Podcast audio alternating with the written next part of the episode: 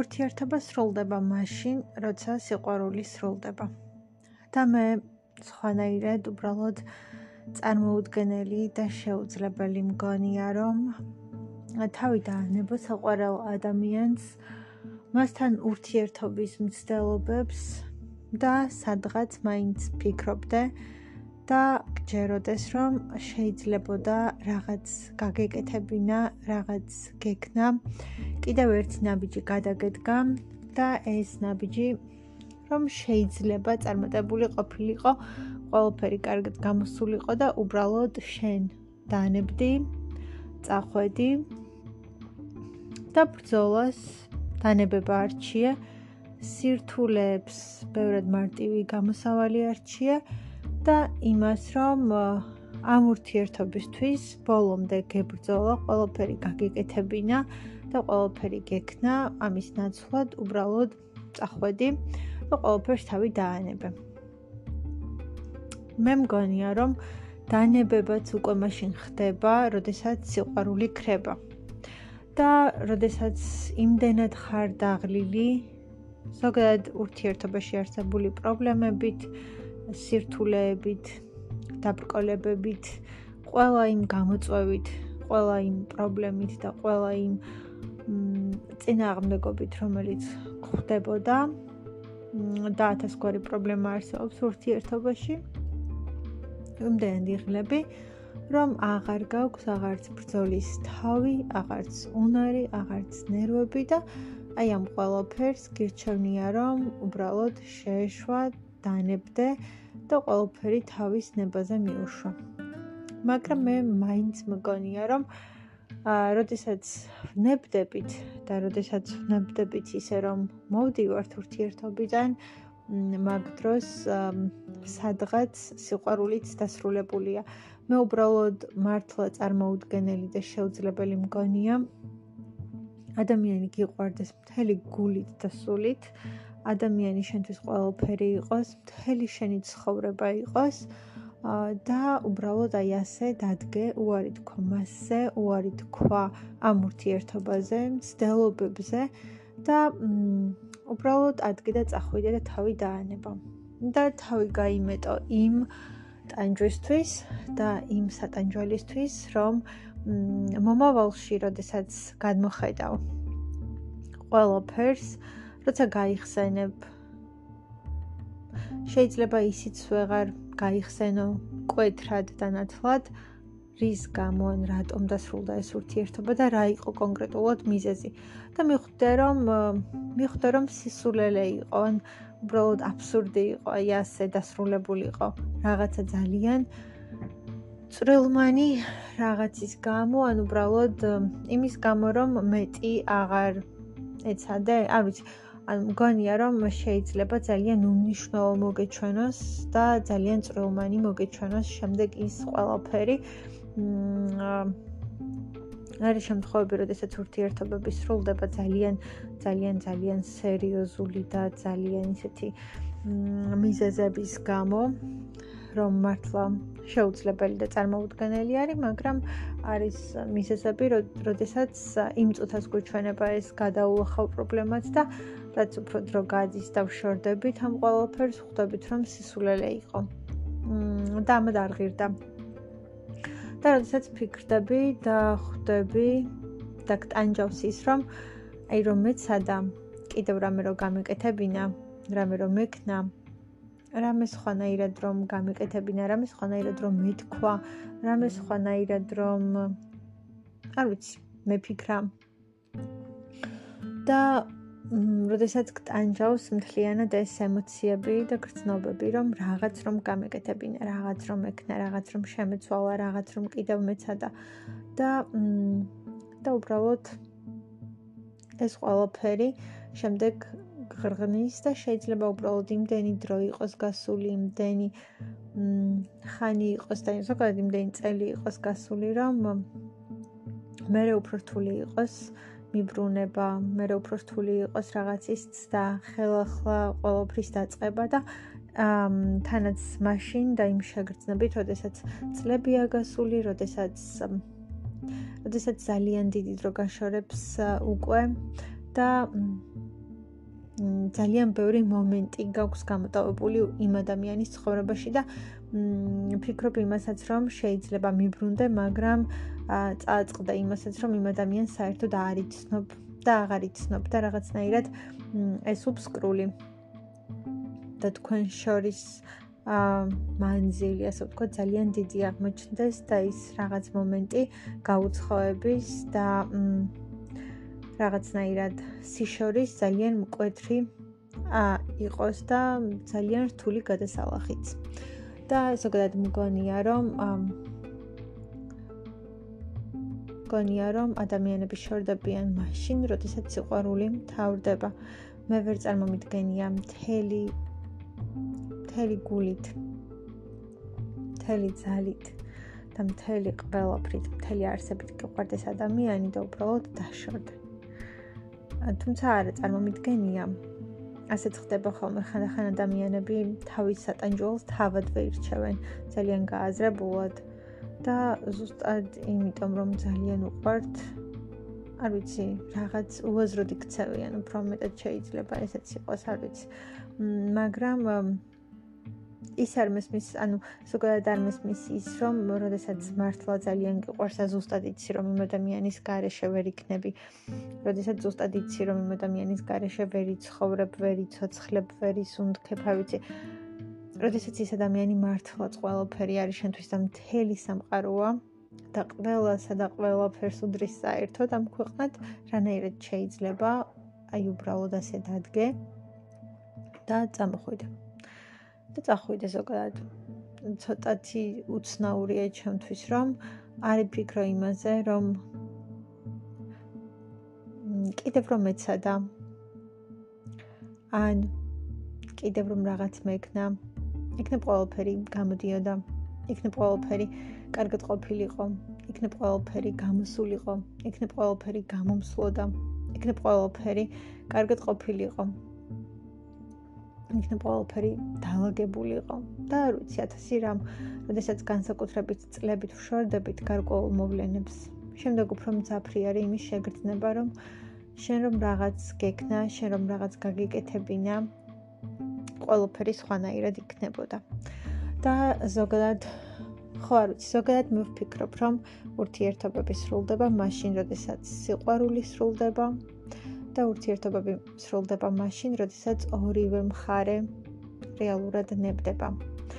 ნებდება და აღარ იბრძვის და იღლება ბრძოლით, იღლება მცდელობებით და იღლება იმით, რომ კიდევ და კიდევ რაღაც გააკეთოს, რაღაც სცადოს და უბრალოდ დაღლილობის ფონზე ყველაფერს თავს ანებებს. ბევრი შემთხვევაა ბევრნაირი ურთიერთობა არსებობს, ძალიან ბევრი რამ ხდება. რთულია რომ ზუსტად ვთქვა თან რომელიმე ადამიანს უთხრათ თუ როგორ უნდა მოიქცეს. რთულია ზუსტად ვთქვა თუ რა იქნება სწორი, მაგრამ მე მგონია მაინც რომ როდესაც გიყვარს ჯობს იბრძოლო ვიდრე იმ ადამიანის გარეშე იყო, იმიტომ რომ არის რაღაცები სამუდამო. ჩვენ შეიძლება ძალიან დიდხანს ვიცხოვროთ, ვიცოცხლოთ და ვიყოთ ამ ქვეყნად. და ეს არა მხოლოდ იმპულსური გადაწყვეტილებაა, იმ წუთას არამედ რაღაცნაირად საკუთარი თავის გამეტებაც მთელი ცხოვრება, რომ იმ ადამიანის გარეშე იყო. შეიძლება იმ წუთას ამას ვერ იაზრებდე და ვერ ფიქრობდე, მაგრამ ყოველ შემთხვევაში თუ ძალიან შორს გაიხედავ და საკუთარ თავს შეხედავ წლების მანძილზე ამ ადამიანის გარეშე და თუ მართლა გიყვარს და იმ შეგრძნებით როგორ იტანჯები, როგორ ცუდად ხარ, როგორ გაკლია, ყოველი დღე რამდენად მძიმედ გადის, ყოველი დღე რამდენად დიდი სიმძიმეა და რამდენად საშინელება, რამხელა განსაცდელი და რამხელა ტანჯვა არის და რამხელა წუხილი გაწევს გულზე, მაშინ ალბათ უფრო სხვანაირად მოვიმოქმედებდით ბევრ რაღაცას. და ზოგადად მგონია, რომ ადამიანი ცხოვრებაში უშვებს შეცდომას. ერთს განსაკუთრებულად მძიმეს და დიდს. ზოგადად ყველა ვუშვებთ შეცდომებს და ყოველი დღე, ჩვენი ყოველი დღე უამრავი შეცდომით არის გავსებული და გადავსებული და 1000 რაღაც არის, რასაც არასწორად ვაკეთებთ, მაგრამ თვითონ ცხოვრების მანძილზე მგონია, რომ ერთ ყველაზე მძიმე და ყველაზე დიდ შეცდომას ვუშვებთ, რომელიც ყველაზე მეტად გვტანჯავს და გვაწუხებს შემდეგ. და ერთ-ერთი შეიძლება იყოს უბრალოდ საყვარელი ადამიანის დაკარგვა და შემდეგ ეს ტვირთი, ეს სიმძიმე და ეს ტკივილი. როდესაც მთელი ცხოვრება ნანობ და შენი დღეები გადის ამ ტკივილში, ამ დარდში, ტანჯვაში და ამ დიდ წუხელში, რომელიც გულზე ლოდად გაწევს და რომელსაც ვერ იშორებ და შეიძლება ვეღარც ვერაფერს ცვლიდე, ვეღარც ვერაფერს აკეთებდე. საერთოდ აღარაფრის შეცვლა არ შეგეძლოს და უბრალოდ შენ დღეები გადის ძალიან დიდ სიმძიმეში, ძალიან დიდ ტვირთში და რომ წარმოიდგენ ამის ნაცვლად, რა შეიძლება და რომ ყოფილიყო, რამხელა ბედნიერება შეიძლება და გქონოდა, რამხელა სიმსუბუქე შეიძლება და ყოფილიყო შენს ცხოვრებაში იმ ადამიანის ყოფნით და იმ ადამიანის არსებობით. რა ბედნიერება შეიძლება რომ განგეცა და ამ ადამიანთან ერთად და როგორი ლაღი, შვიდი და სუბუქი და ბედნიერი შეიძლება და რომ ყოფილიყო შენი ცხოვრება, განსაკუთრებით ორმაგდება მგონია ეს ტკივილი და ეს სიმძაფრე რომ შენ შენთვის ყველაზე ძვირფასი ადამიანი, შენთვის ყველაზე საყვარელი ადამიანი შენს ცხოვრებაში უბრალოდ დაკარგე, გაუშვი და რაღაცნაირად აი ესე ყველაფერს მიეცინება. ყველაფერს მიეციმის ნება, რომ ეს ყველაფერი მომხდარიყო და ყველაფერს მიეციმის საშუალება, რომ ეს ყველაფერი ყოფილიყო და თითქოს არც არაფერი ქენი, რომ ეს ყველაფერი შეგეჩერებინა. და შემდეგ არის ძალიან დიდი სინანული, შემდეგ არის ძალიან დიდი ტკივილი და რაღაცნაირად იმეტებ თავს იმისათვის, რომ ეს ტკივილი განიცადო და ამ ტკივილში ცხოვრო, ოღონდ განა ერთი დღე ან ორი დღე, მთელი შენი დარჩენილი ცხოვრება და ყოველი დღე გაატარო და გადაატარო ამ სიმძიმით. და თან როდესაც ვერიაზრებ, რამდენად მძიმე შეიძლება იყოს. იმიტომ რომ მე მგონია, რაც უფრო წლები გადის და რაც უფრო ზოგადად დრო გადის, რაღაცები უფრო მძიმე ხდება, უფრო მტკივნეული ხდება და უფრო მძიმე დასატანი ხდება. იმიტომ რომ კიდევ უფრო მეტად ხვდებით მის ფაზს და მნიშვნელობას და კიდევ უფრო მეტად გვამძიმებს, კიდევ უფრო მეტად გვაწუხებს და კიდევ უფრო მეტად ვდარდობთ. ამიტომ გონია რომ ეს ის არის რაც მუდამ შეგაწუხებს, რაც არ მოგასვენებს, რაც ყოველთვის დაგტანჯავს, რაც ყოველთვის ძიმედ გექნება გულზე და ვერაფრით ვერ მოიშორებ და მუდმივი სინანული, მუდმივი ტკივილი, მუდმივი ტანჯვა და ამ დროს სადღაც გონებაში ცოცხლდება სურათი და სურათები თქვენი როგორ შეიძლება და რომ ყოფილიყო ყველაფერი ჰარმონიულად, კარგად და ბედნიერად. და როდესაც ხვდები რომ რა შეიძლება და ყოფილიყო და რა რეალობაში ხარ თან თუ ეს ადამიანი გიყვარს და ისევ გიყვარს და ისევ შენს გულში არის და ძალიან დიდ ადგილს იკავებს და მე მგონია რომ ცხოვრებაში საყვარელი ადამიანის დაკარგვაზე მეტი სიმძიმე მეტი სასჯელი და მეტი უბედურება არც შეიძლება რომ მოხდეს და ის ტანჯვა რომელიც შენს ცხოვრებაში შეიძლება გაგრძელდეს გაგრძელდეს წლები და მთელი შენი ცხოვრება.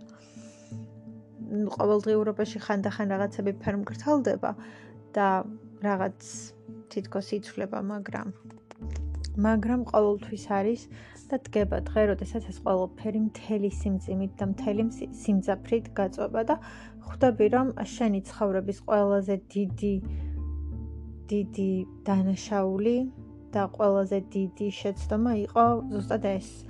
და თავისთავად შემდეგ უკვე შენი სასჯელიც, იმიტომ რომ სასჯელი იმ კუთხით, რომ ეს ტანჯვა შენ თვითონ გამოუწერი, ასე ვთქვათ, შენს თავს და შენ თვითონ აა მოისურვა რომ ეს ამხელა ტანჯვა გქონოდა, ამხელა არ ვიცი, საწუხარი და ნუ წუხარება გულზე და ამხელა რაღაც სიმძიმე რომ შენთვის ყველაზე ძვირფასი და შენთვის ყველაზე საყვარელი ადამიანის გარეშე ხარ, ყველაზე მეტად გაკლია, ყველაზე მეტად გენატრება, ყველაზე მეტად გიყვარს, ყველაზე მეტად გინდა მასთან ყოფნა და თითოეული წამი და მომენტი გენატრება, როდესაც მასთან იყავი და როგორ კარგად იყავი და რამდენად ბედნიერად იყავი და კიდევ უფრო ოქროს ფასი ედება თითოეულ მომენტს, წამს, წუთს, მასთან ერთად გატარებულ თითოეულ დღეს და ყველა დეტალს და ყველა მომენტს და უბრალოდ ხვდები რომ ამად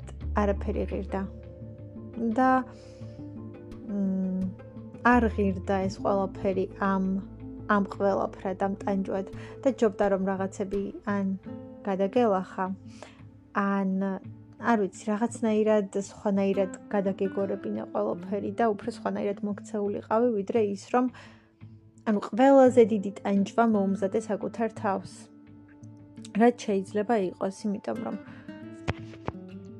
ყველაზე მეტად გინდოდეს ადამიანთან ყოფნა. შენთვის ყველაზე ძვირფასი საყვარელ ადამიანთან ყოფნა და ყველასთან და ყველაფერთან იყო საერთოდ მის გარდა. რა უნდა იყოს ამაზე დიდი სასჯელი და სატანჯველი რომ საერთოდ ყველა იყოს შენ ცხოვრებაში და ყველაფერი იყოს შენ ცხოვრებაში მაგრამ ის ვინც ყველაზე მეტად გიყვარს გინდა და გჭირდება ის უბრალოდ არ იყოს. და ყველაზე მეტად გაკლდეს, გიყვარდეს და გენატრებოდეს, მაგრამ ასევე მგონია, როდესაც ჩვენ თავს და საერთოდ ურთიერთობას ვაძლევთ დასრულების უფლებას, იმ შემთხვევაში ჩვენი სიყვარულიც გარკვეულწილად დასრულებულია. ან უბრალოდ იმ წუთას არის ძალიან ცუდ მდგომარეობაში, როდესაც ჩვენ ვფიქრობთ, გონია ან არ ვიცი, ისეთი ემოციები და შეგრძნებები გვაქვს, რომ აღარ გვყვარს.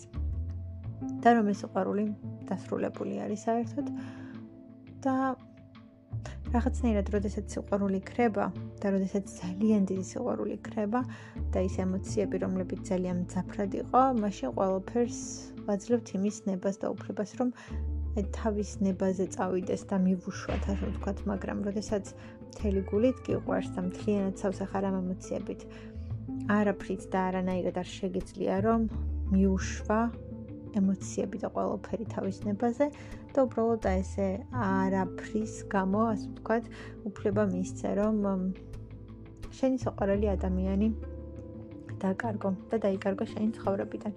და ასევე მგონია, რომ ხო ნუ ზოგადად გამოსწორების კუთხით, რა თქმა უნდა, ორივეს ჩართულობა არის და ზოგადად მოქმედება იმისათვის, რომ რაღაცა გამოსწორდეს. მაგრამ ხანდახან ხანდახან არის ისეც რომ ჩვენ აღარ ვაძლევთ საკუთარ თავებს იმის უფლებას ან იმის საშუალებას რომ რაღაცები გამოვასწოროთ და რაღაცები უფრო კარგად იყოს.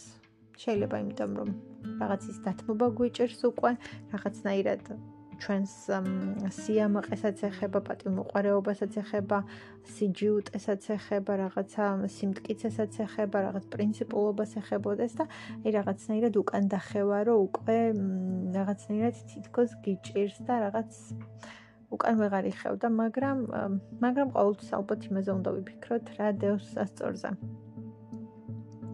რა დევს სასწორზე და რას კარგავ და ვის კარგავ შენი ცხოვრებიდან. და უბრალოდ აა არ ვიცი, ერთი წელიან არ ვიცი რაღაცა პერიოდი და მთელი ცხოვრება უბრალოდ ერთმანეთს რომ ანუ შევადაროთ, მაშინ აუცილებლად მივხვდებით რა დევს ჩვენ ჩვენთვის სასწორზე და როდესაც განსაკუთრებით ჩვენთვის ყველაზე ძვირფასი და საყვარელი ადამიანი არის ამ ყოველფერში და ეს ურთიერთობა არის სასწორზე. და მართლაც თუ ეს ადამიანი ჩვენი ცხოვრების და მთელი ჩვენი ცხოვრების და სიცოცხლის სიყვარულია და თუ მართლა ყველაფერი არის ეს ადამიანი ჩვენთვის, საერთოდ ყველაფერს თუ ნიშნავს, მართლაც მთელი ჩვენი სამყარო თუ არის და მთელი ჩვენი ცხოვრება, ასეთი ადამიანის დაკარგვა და უბრალოდ გაშვება, მე მგონია რომ საკუთარ საკუთარი თავისთვის განაჩენის გამოტანას საერთგვარად სიკვდილს უდრის, იმიტომ რომ შენ საკუთარ თავსაც ჩინაგანად იმეტებს სიკვდილისთვის, იმიტომ რომ მ სხვანაირად მე არ მგონია ძალიან დიდი სიყვარულის შემთხვევაში რაიმე სხვაგვარად ხდებოდეს. შენ შინაგანად ემოციურად თავს იკლავ და იმეტებ საკუთარ თავს სიკვდილისთვის, იმიტომ რომ შენთვის ყველაზე ძვირფასი ადამიანის გარეშე ცხოვრება მე მგონია რომ ყველაზე დიდი და ყველაზე საშნელი სასჯელია ყველანაირად ამაზე მეტი და უკიდურესი სასჯელი სიმძაფრე და ტკივილი და ტანჯვა როგორც ასეთი მე არ მგონია რომ რაიმე იყოს სხვა. ჩემთვის და ჩემი გადმოსახედიდან ყველაზე დიდი სატანჯველი და ყველაზე დიდი უბედურება და არ ვიცი ყველაზე დიდი რამ რაც შეიძლება რომ დაგემართოს კატასტროფად და უბედურებად და ყველანაირ განსაცდელად არის შენთვის ყველაზე ძვირფასი და საყვარელი ადამიანის დაკარგვა. რომელსაც უკვე ვეღარ იბრუნებ და ვეღარაფერს ვეღარ ცვლი და უბრალოდ დაკარგული არის შენთვის და შენი ცხოვრებიდან და აღარაფერი რომ აღარ იცვლება. აღარც იმედი რომ აღარ გაქვს რომ რაიმე შეიცვლება. მე არ მგონია რომ ამაზე საშინელი რამ შეიძლება ადამიანს თავზე დაატყდეს და რაიმე დაემართოს კი ბევრი უბედურება არსებობს ცხოვრებაში მაგრამ ყველაზე მძიმე და მძაფრი და უკიდურესი მაინც მგონია რომ საყვარელი ადამიანის დაკარგვაა ასე რომ ყველას გისურვებთ თქვენთვის უფასი ადამიანების შენარჩუნებას და მათთან რაც შეიძლება კარგ და ჰარმონიულ ურთიერთობას.